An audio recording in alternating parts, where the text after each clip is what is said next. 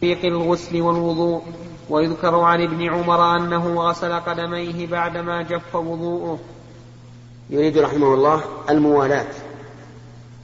هل هي شرط في الغسل والوضوء؟ أو ليست بشرط؟ لا في الغسل ولا في الوضوء. أو شرط في الوضوء دون الغسل. وفي هذا خلاف. فمن العلماء من يقول الموالاة ليست بشرط. لأن الله أمرنا أن نغسل الوجوه والأيدي ونمسح بالرؤوس ونغسل الرجلين. وأطلق. فلا تشترط الموالاة. ومنهم من قال تشترط الموالاة. لأن الله تعالى لأن الله تعالى قال إذا قمتم إلى الصلاة فاغسلوا وجوهكم وأيديكم من المرافق إلى آخره والفاء في قوله فاغسلوا تفيد المبادرة لأنها جواب شرط. فإذا اشترطت المبادرة في في غسل الوجه فما بعده معطوف عليه. واستدل أيضا بأن النبي صلى الله عليه وعلى آله وسلم رأى رجلا لم يتم وضوءه فقال له ارجع فأعد أعد وضوءك. واستدلوا بتعليل وهو أن الوضوء عبادة واحدة فإذا فرق خرج عن كونه عبادة واحدة. يعني لو غسل وجهه في الساعة الثانية عشرة وغسل يديه في الساعة الواحدة وغسل ومسح برأسه في الساعة الثانية وغسل يديه في الساعة الثالثة نعم ما ليست عبادة واحدة الآن. مفككة. والوضوء عبادة واحدة. الغسل كذلك. اختلفوا فيه. منهم من قال لا بد فيه من الموالاة بحيث تغسل البدن مرة واحدة جميعا. ومنهم من قال لا يشترط الموالاة و نعم. والغريب أن المشهور من مذهب الحنابلة اشتراط الموالاة في الوضوء دون الغسل. مع أن الغسل عضو واحد كل البدن غسل واحد عضو واحد. فإذا كنا لا نشترط الموالاة في, في الغسل فمن باب أولى الوضوء لأنه أعضاء متفرقة وإن كنا نشترط الموالاة في الوضوء فمن باب أولى الغسل. لأنه عضو واحد. والذي يظهر لي أن القول الراجح اشتراط الموالاة وأنه لا بد من الموالاة في أعضاء الوضوء وفي الغسل لأنها عبادة واحدة فلا يمكن أن تفرق. ولكن لو أن الإنسان نسي بعض الأعضاء أو لم يسبق في بعض الأعضاء ثم ذكر بعد مدة فهل نقول إنه يجب أن يعيد الوضوء أو الغسل من أوله؟ أو نقول اغسل ما نسيت فقط؟ في هذا للعلماء قولان. منهم من يقول إن الموالاة تسقط بالنسيان في الوضوء أو في الغسل. وبناء على هذا القول نقول متى ذكر فإنه يغسل ما حصل به النقص فقط ويبني على ما مضى. لكن مع هذا نقول الاحتياط أن يعيد من الأول لتتحقق الموالاة. بقي علينا أن نسأل ما هي الموالاة؟ بأي شيء نقدرها بعض العلماء يقول تقدر بالعرف. فإذا قال الناس الفصل طويل بين أول الطهارة وآخرها قلنا الآن انقطع انقطعت الموالاة. وإذا قيل إنه ليس بطويل قلنا لم تنقطع. ومنهم من ضبط ذلك بضابط أقرب لإدراك الإنسان وهو أن الموالاة تنقطع إذا جف العضو الذي قبل قبل العضو الذي تأخر غسله فالموالاة أن لا يؤخر غسل عضو حتى ينشف. الذي قبله وهذا هو المشهور من المذهب وهو أقرب للضبط. ومع ذلك قالوا بشرط أن يكون في زمن معتدل خال من العواصف لأنه في زمن الشتاء يتأخر نشوف العضو وفي زمن الصيف يتقدم وكذلك إذا كان هناك عواصف هواء فإنه يسرع إلى أن نشوفه فإذا كان في زمن معتدل خالي من العواصف فإن هذا هو الضابط طيب إذا حصل التفريق لمصلحة تتعلق بنفس الطهارة فهل تنقطع الموالاة؟ مثال ذلك.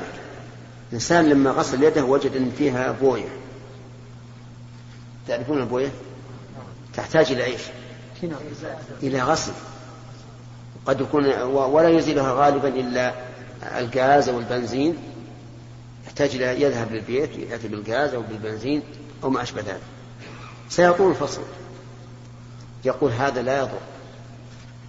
لأن هذا التأخير لإيش؟ لمصلحة الطهارة. فلا يضر. أما إذا كان في شيء منفصل كما لو نقص الماء وانقطع قبل أن يتم وضوءه فذهب يطلب الماء فهنا يعيد لأن هذا منفصل عن العبادة. طيب. لو أنه توضأ وفي أثناء وضوئه وجد نجاسة في أحد أعضائه ثم اشتغل بإزالتها وطال الفصل. نعم.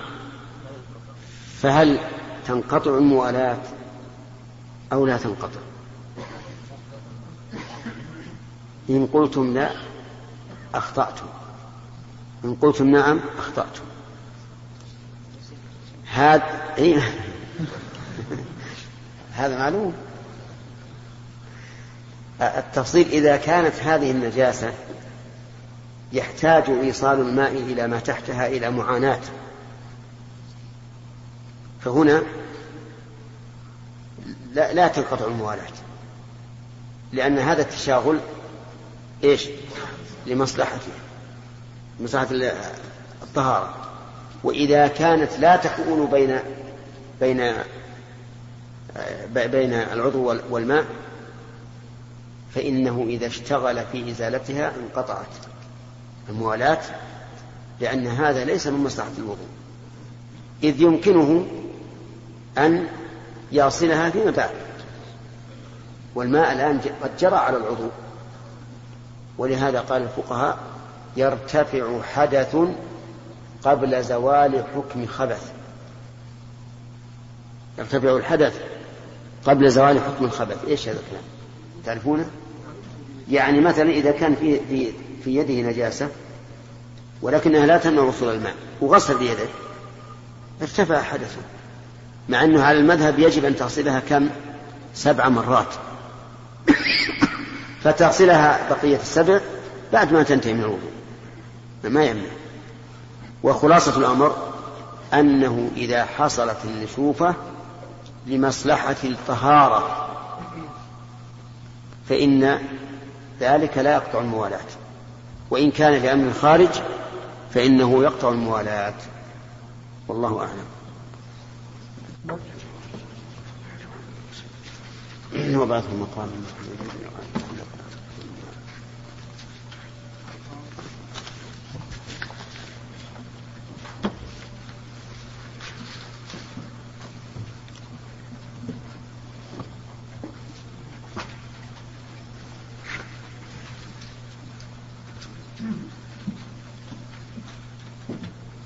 نعم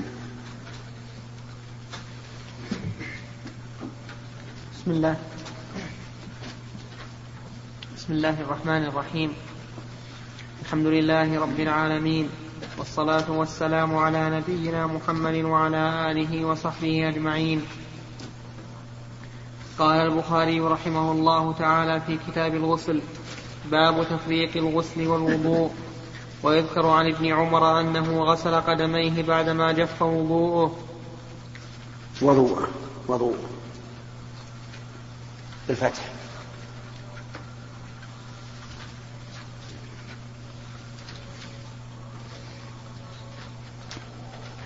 ويذكر عن ابن عمر أنه غسل قدميه بعدما جف وضوءه. حدثنا محمد بن محمود كيف؟ بعدما جف وضوءه. وضوءه. أنا قريت وضوءه أول شيء. ها؟ أول مرة أنا وش قريت؟ أنا قالت الوضوء بضم الواو. إيه. إيه ما هو صحيح. الصحيح وضوءه. ثم إنك أنت فتحت الواو وفتحت الهمزة أيضا. إيه أنا وش وش نعم. وش, وش القراءة الحين؟ وضوءه. وضوءه. وضوءه. فتح الواو وضم الهمزة طيب بعدما جف كذا عندكم أنتم؟ ها؟ بعدما جف ما وضوء. فتح الهمزة؟ فتح الواو. نعم. وضوء. وضوءه. وضوءه. لا وضوءه. أنا أنا قلت وضوءه. إيه طيب تمام. ويذكر عن ابن عمر أنه غسل قدميه بعدما جف وضوءه. لا. آه سبحان الله. بعدما آه، نعم نعم. ويذكر عن ابن عمر أنه غسل قدميه بعدما جف وضوءه. نعم. ماشي. حدثنا محمد بن محبوب. قال حدثنا عبد الواحد. قال حدثنا الأعمش عن سالم بن أبي الجعد عن كريب مولى بن عباس. عن ابن عباس قال قالت ميمونة وضعت لرسول الله صلى الله عليه وسلم ماء يغتسل به. فأفرغ على يديه فغسلهما مرتين مرتين أو ثلاثا ثم أفرغ بيمينه على شماله فغسل مذاكيره ثم دلك يده بالأرض ثم مضمض واستنشق ثم غسل وجهه ويديه وغسل رأسه ثلاثا ثم أفرغ على جسده ثم تنحى من مقامه فغسل قدميه. باب من أفرغ بيمينه على شماله في الغسل. طيب هذا حدثنا الباب مهم. تفريق الغسل والوضوء. يشير رحمه الله إلى الموالاة بين أعضاء الوضوء وأجزاء الجسم في الغسل. وقد سبق لنا ذكر ذلك وبينا أن العلماء رحمهم الله اختلفوا في هذا. فمنهم من قال إن الموالاة ليست بشرط لا في الوضوء ولا في الغسل. ومنهم من قال هي شرط في الوضوء ليس وليس شرطا في الغسل. ومنهم من قال هي شرط فيهما. في الوضوء والغسل وهذا هو الأقرب. ولكن إذا حصل مانع فقد سبق أن قسمنا الموانع إلى قسمين قسم يتعلق بذات الطهارة وقسم يتعلق بأمر خارج والمسألة فيها خلاف لعله تقرأ عليه بالشرح.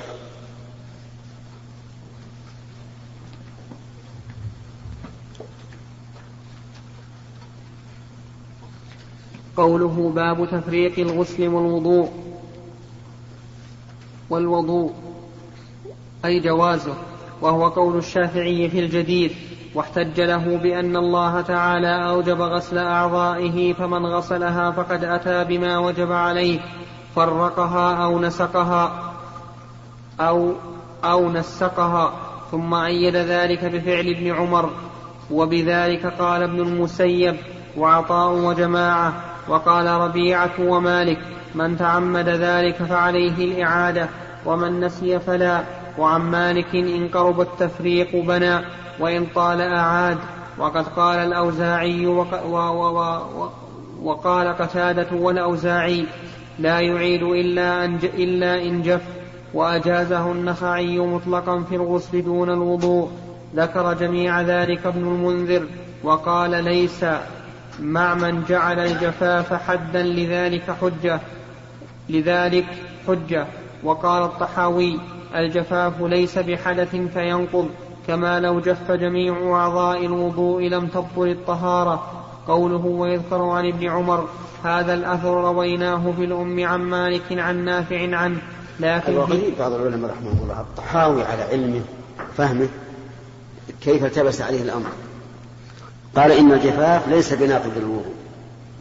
والذين يقولون بأن الجفاف يمنع الموالاة. لا, لا ليسوا يقولون ينقض الوضوء. لكن لما كان الجفاف يقتضي تفرق الأعضاء قالوا إنه تفوت به الموالاة. وهذا مما يدلك على أن الإنسان مهما بلغ من العلم والذكاء فإنه ناقص. مهما بلغ. وإلا لم يقولوا إنه يبطل الوضوء قالوا إنه يقطع الموالاة فلم يصح الوضوء أصلا. ففرق بين إبطال ما وجد وبين منع ما لم يوجد. نعم. كمل الأثر. قوله ويذكر عن ابن عمر هذا الأثر رويناه في الأم عن مالك عن نافع عنه لكن فيه أنه توضأ في السوق دون رجليه ثم رجع إلى المسجد فمسح على خفيه ثم صلى والإسناد صحيح. فيحتمل أنه إنما لم يجزم به لكونه ذكره بالمعنى. قال الشافعي لعله قد جف وضوءه لأن الجفاف قد يحصل بأقل مما بين السوق والمسجد. قوله حدثنا محمد بن محبوب.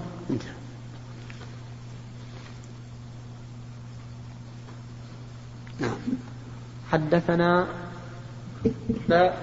باب من أفرغ بيمينه على شماله في الغسل. حدثنا موسى بن إسماعيل. قال حدثنا أبو عوانة. قال حدثنا الأعمش عن سالم بن أبي الجعد عن كريب مولى ابن عباس عن ابن عباس عن ميمونة بنت الحارث قالت وضعت لرسول الله صلى الله عليه وسلم غسلا وسترته. وسترته. وضعت لرسول الله صلى الله عليه وسلم غسلا وسترته فصب على يده فغسلهما مرة أو مرتين. غسلها. فصب على يده فغسلها مرة أو مرتين. قال سليمان لا أدري أذكر الثالثة أم لا. ثم أفرغ بيمينه على شماله فغسل فرجه ثم دلك يده بالأرض أو بالحائط ثم تمضمض واستنشق وغسل وجهه ويديه وغسل رأسه ثم صب على جسده ثم تنحى فغسل قدميه. فناولته خرقة فقال بيده هكذا ولم يردها. كيف هكذا؟ كذا؟ أو كذا؟ أي ما نقدر نضبطها لكن معنى أنه أشار إشارة تدل على أنه لا يريد. نعم. وفي حديث آخر يا شيخ أنه نفض يديه. كيف؟ وفي حديث آخر أن الإشارة هي نفض اليدين لا لا جعل ينفض الماء بيده. أي. ينفض الماء بيده. ما هو يشير إلى أنه لا يريد, لا يريد الخرقة نعم. فلم؟ ينفض بها فلم فلم ينفض بها. اي يعني لم يجفف بها. نعم. باب إذا ها؟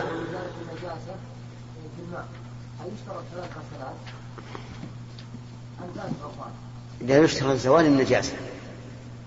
على القول الصحيح. أما على المذهب فلا بد من سبع غسلات. حتى لو زالت النجاسة في الغسلة الأولى أو الثانية أو الثالثة لا بد من تكميل السبع. نعم؟ أي حجر.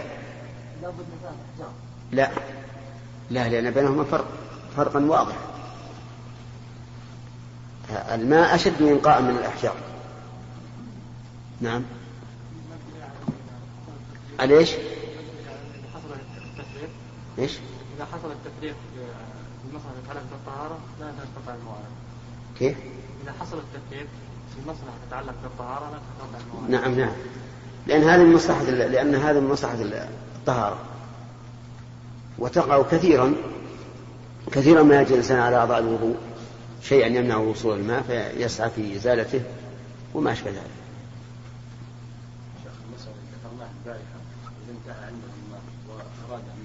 يحضر الماء وجفف الأعضاء. هذه ذكرنا أنها ليست من صحة الصلاة. نعم. كيف؟ ما تتعلق بالفعل هذا. هذه تتعلق بتحصيل ما يتطهر به. ما هي في نفس الفعل. نعم. باب إذا جامع ثم عاد ومن دار على نسائه في غسل واحد. حدثنا محمد بن بشار قال حدثنا ابن أبي عدي ويحيى بن سعيد عن شعبة عن إبراهيم بن محمد بن المنتشر عن أبيه قال ذكرته لعائشة فقالت يرحم الله أبا عبد الرحمن. كنت أطيب رسول الله صلى الله عليه وسلم فيطوف على نسائه ثم يصبح محرما. ينضخ طيبا. حدثنا محمد بن بشار قال حدثنا معاذ بن هشام قال حدثني أبي عن قتادة قال حدثنا أنس بن مالك قال كان النبي صلى الله عليه وسلم يدور على نسائه في الساعة الواحدة من الليل والنهار وهن إحدى عشرة. قال قلت لأنس أو كان يطيقه؟ قال كنا نتحدث أنه أعطي قوة ثلاثين. وقال سعيد عن قتادة إن أنسا حدث حدثهم تسع نسوة. وهذا هو الصحيح. لأن الرسول عليه الصلاة والسلام لم يجتمع عنده إحدى عشرة امرأة في آن واحد.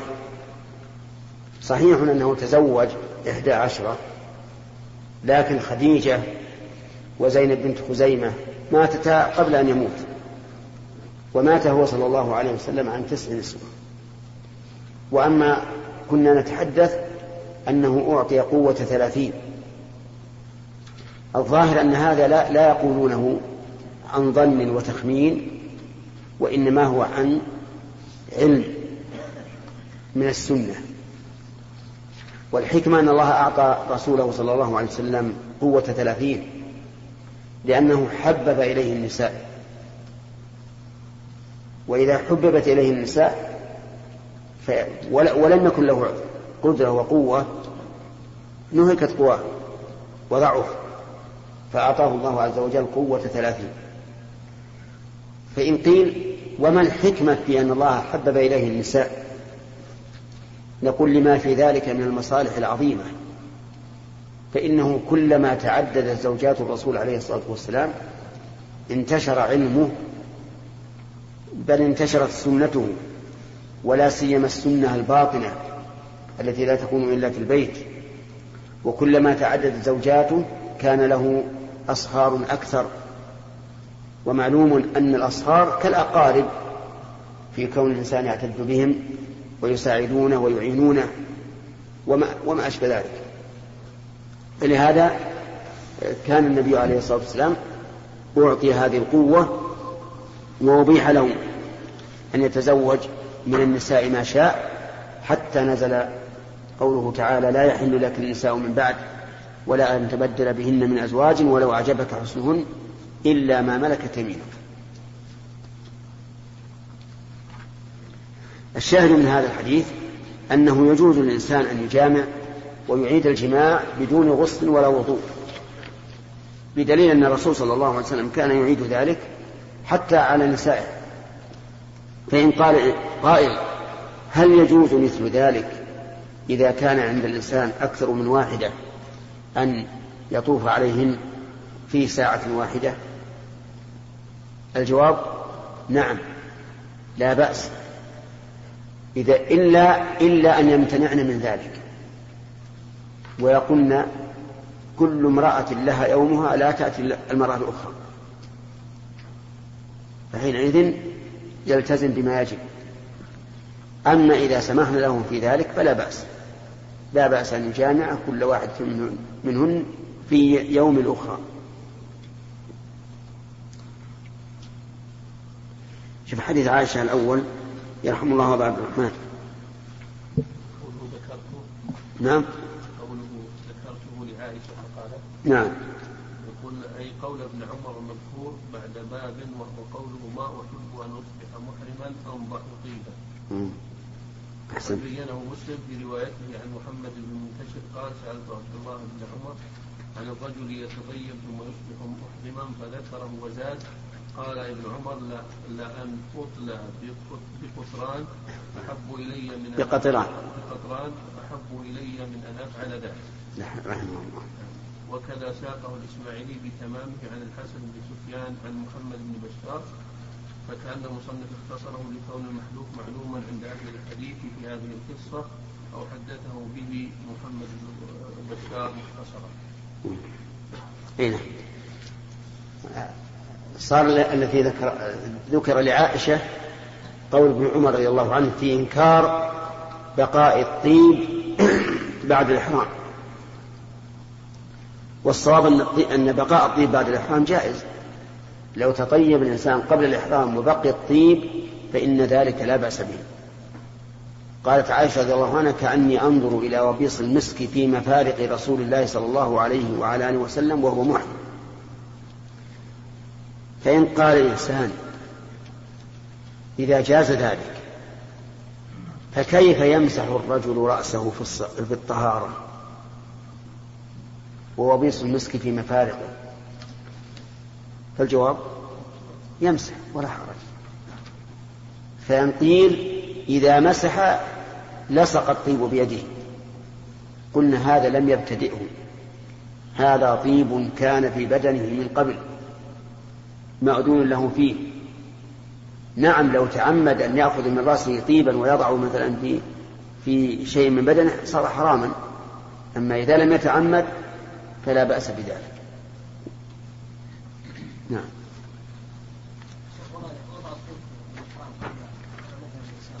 في الثوب يعني؟ في الثوب الإحرام؟ لا لا يفعل. نعم.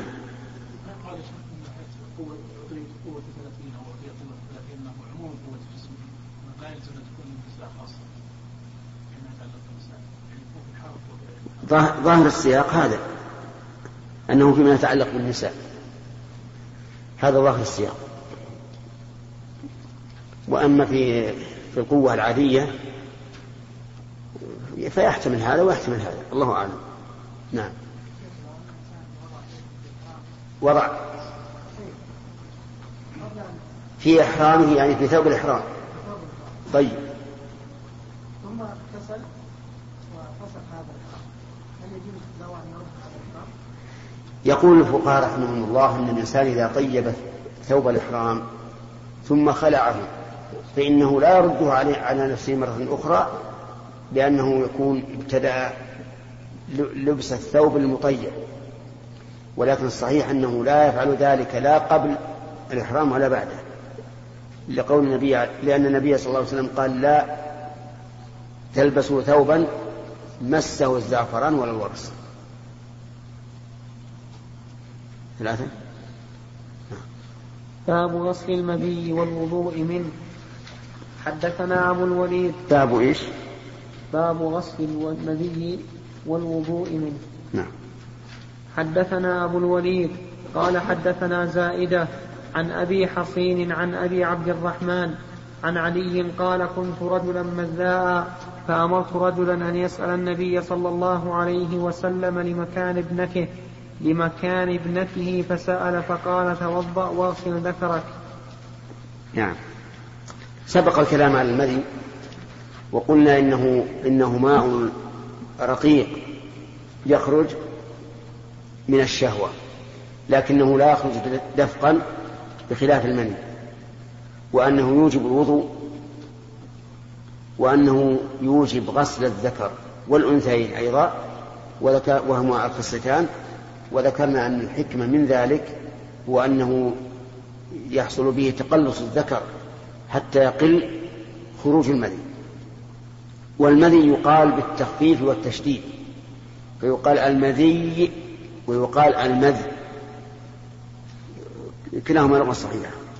وفي هذا الحديث دليل على أنه على أن أن الإنسان إذا كان يستحي من السؤال فإنه لا يفوته ولكن يأمر غيره. وفيه دليل على قبول خبر الواحد في الأمور الدينية لأن علي رضي الله عنه قبل خبر الرجل الذي سأل النبي صلى الله عليه وعلى آله وسلم. نعم.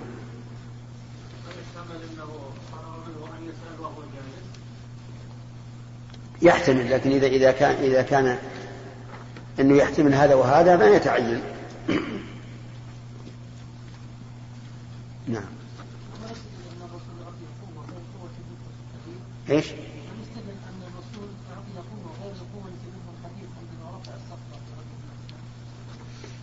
لا.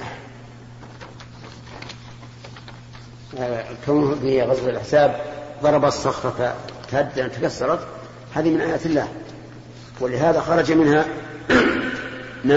نور أو نار رأوا من من من خلاله قصور صنعاء قصور الشام. وهذه من آيات الله عز وجل. نعم. النبي صلى الله عليه وسلم قوة ثلاثين وبين أن له تسعة لا كونه يطوف عليهم غسل واحد. ما يقدر الإنسان العادي أن يطوف على تسع نسوة بغسل واحد. لا العلاقة بين عدد الثلاثين إيش؟ بين بين العدد ثلاثين وتسعة. لا ما ما بين علاقة لكن هو أعطي قوة ثلاثين نعم. باب من تطيب ثم اغتسل وبقي آثر الطيب. حدثنا أبو النعمان قال حدثنا أبو عوانة عن إبراهيم بن محمد بن المنتشر عن أبيه قال سألت عائشة فذكرت لها قول ابن عمر ما أحب أن أصبح محرما انضخ طيبا. فقالت عائشة أنا طيبت رسول الله صلى الله عليه وسلم ثم طاف في نسائه ثم أصبح محرما. حدثنا آدم قال حدثنا شعبة قال حدثنا الحكم عن إبراهيم عن الأسود عن عائشة قالت كأني أنظر إلى وبيس الطيب في مفرق النبي صلى الله عليه وسلم وهو محرم. صلى الله عليه وسلم. أراد المؤلف رحمه الله أن الطيب لا يمنع وصول الماء. حتى لو كان دهنا فإن الإنسان يجوز أن يغتسل و ولا يضر. إذا بقي أثر الطيب. يعني لو تطيب ثم اغتسل. ومثل ذلك لو دهن جسده بشيء يستشفي به ثم اغتسل فإن ذلك لا يضر. مع أنه معروف أن الدهن ونحوه إذا مر به الماء فإنه يتمايز لكن هذا لا يضر. اللهم إلا أن يكون جامدا يمنع وصول الماء حينئذ لا بد من إزالته خصوصا في أيام الشتاء قد يتجمد. الدهن على البدن ففي هذه الحال نقول لا بد من إزالته لأن من شرط صحة الغسل والوضوء إزالة ما يمنع وصول الماء. وفي هذا الحديث دليل على قرب عائشة من رسول الله صلى الله عليه وآله وسلم حيث كانت هي التي تباشر تطيبه رضي الله عنها. وجزاها عنا خيرا حيث أكرمت نبينا صلى الله عليه وعلى آله وسلم. وهذا لا شك أنه من الخصال الحميدة ومما يوجب قوة المودة بين الرجل وبين زوجته. وهكذا ينبغي للإنسان مع أهله أن يكون لطيفا سهلا لينا يتنزل معهم إلى المستوى الذي هم عليه. حتى يتنزل مع الصغار كما كان الرسول عليه الصلاة والسلام يقول لأبي عمير وهو طفل صغير كان معه طائر يسمى النغير وكان يفرح به كما يوجد الآن في صبياننا إذا حصلت لهم طيور فرحوا بها وكان قد فرح به فمات الطير. فكان الرسول يمزح عليه يقول يا أبا عمير ما فعل النغير. نعم. باب تخليل نعم. بعض المستشرقين عندما يقرؤون هذا الحديث يقولون في حديث النور على نساء السابق يقولون أن النبي أن نبيكم نبي شهواني نعم. يحب الشهوة وكذا. نعم. كيف نرد عليه؟ نقول الشهوة من رجولة. الشهوة من الرجولة لا شك. ولهذا الإنسان الذي ليس عنده شهوة يصير خامل كسلان. نعم. هذه من جهة.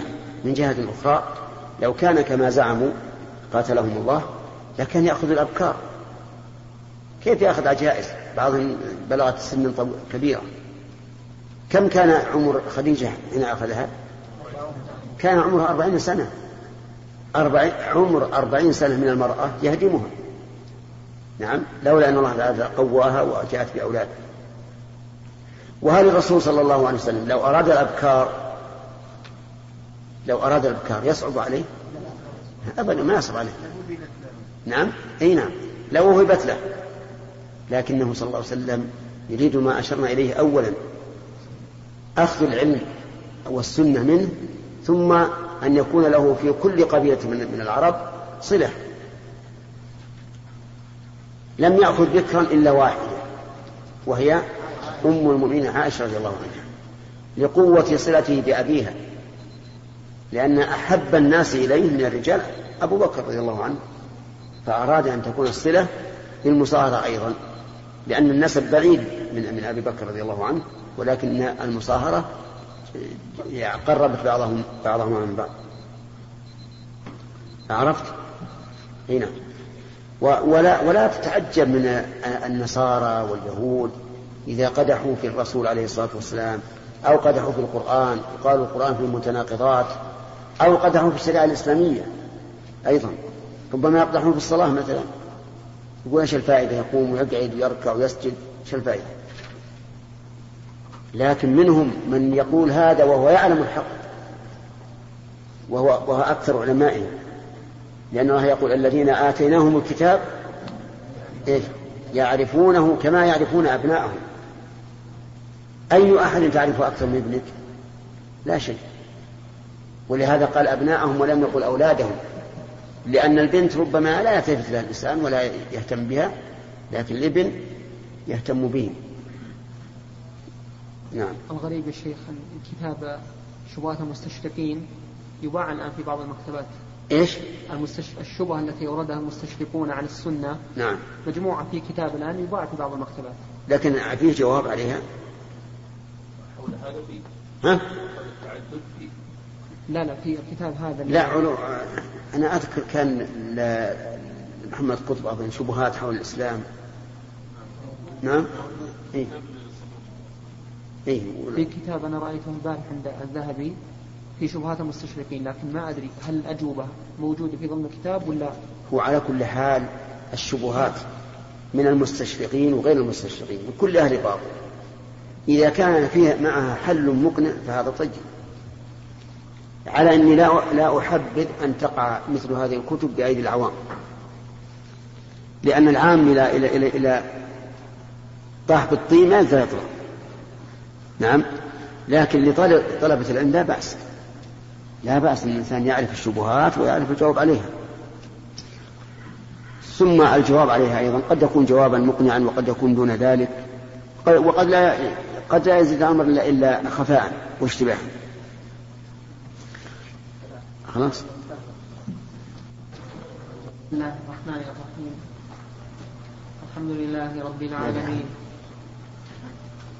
وصلى الله وسلم على نبينا محمد وعلى آله وصحبه أجمعين قال الإمام البخاري رحمه الله تعالى في كتاب الغسل في باب تخليل الشعر حتى إذا ظن أنه قد أروى بشرته أفاض عليه حدثنا عبدان قال أخبرنا عبد الله قال أخبرنا هشام بن عروة عن أبيه عن عائشة قالت كان رسول الله صلى الله عليه وسلم إذا اغتسل من الجنابة غسل يديه وتوضأ وضوءه للصلاة ثم اغتسل ثم يخلل بيده شعره حتى إذا ظن أنه قد أروى بشرته أفاض عليه الماء ثلاث مرات.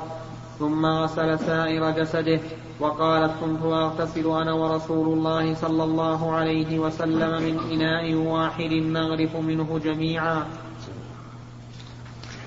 الشعر إذا كان كثيرا فإنه يخلل في الغسل من أجل أن يصل الماء إلى أصول الشعر. وليعلم أن تطهير الشعر ينقسم إلى ثلاثة أقسام. القسم الأول أن يجب تطهير ظاهره وباطنه وذلك في الاغتسال من الجنابة سواء كان خفيفا أو كثيفا. الثاني أن يغتسل أن يجب تطهير ظاهره دون باطنه وذلك في الوضوء إذا كان الشعر كثيفا. الثالث ألا يجب آه نعم أن يجب إيصال الماء إليه بكل حال وذلك فيما إذا كان خفيفا فهذا يجب في الوضوء وفي غيره. و ولكن هل يسن أن يخلل؟ نقول أما في الوضوء في الغسل فلا بد أن يخلل. وأما في الوضوء فيستحب تخليل الكثير.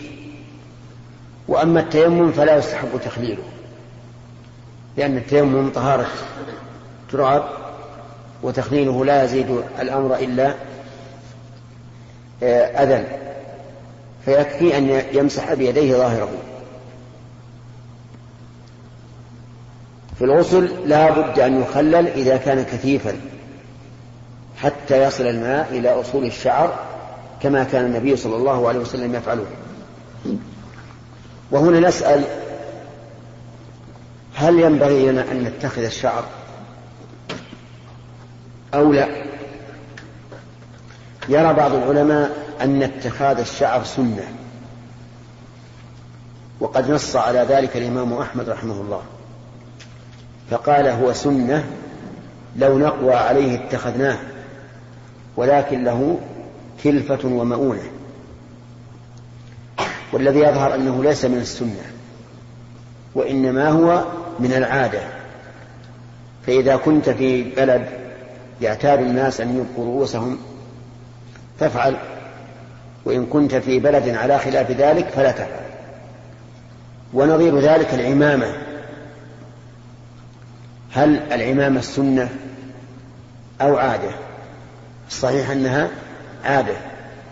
وكذلك الإزار والرداء. هل هو سنة أو عادة؟ صحيح أنه عادة.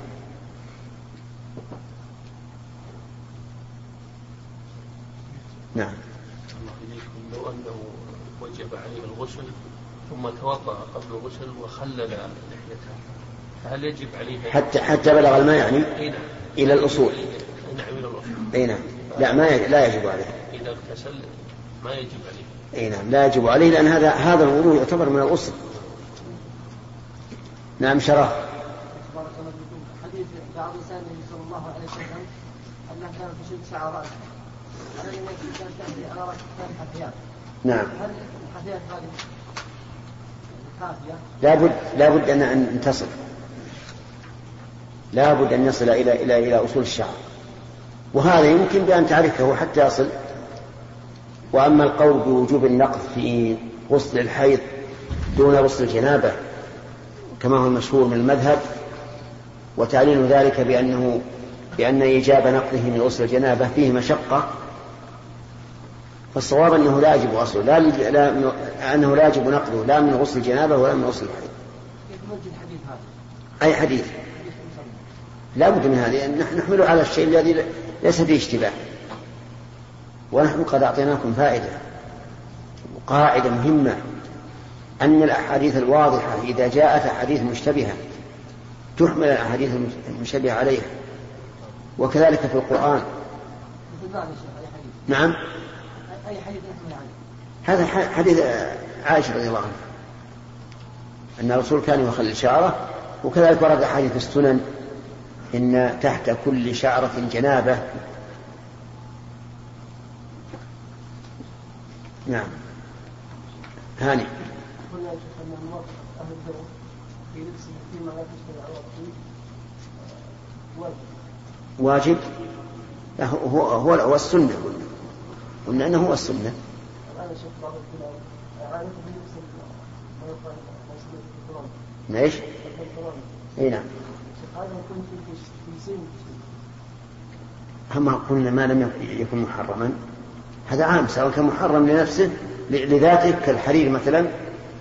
أو لهيئته وصفته. نعم.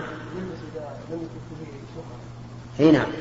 ونحن نقول الآن نحن عندنا قاعدة مضطردة. إذا كنت في بلد فالبس لباسهم ما لم يكن محرما سواء كان محرما لعينك كالحرير أو محرما لهيئته. نعم. ضرر. كما نقول يلبس مثل لباس أهل البلد.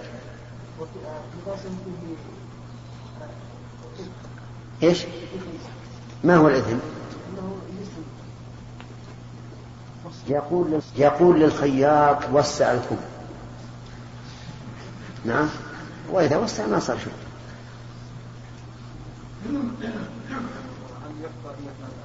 حديث ذكر في انه من قبيل الخاص الذي ورد على العام لا. لا ابدا لأنه إذا إذا وجبت الجنابة فالحيض من باب أولى. وأم سلمة قالت افانقضه للحيض؟ قال لا.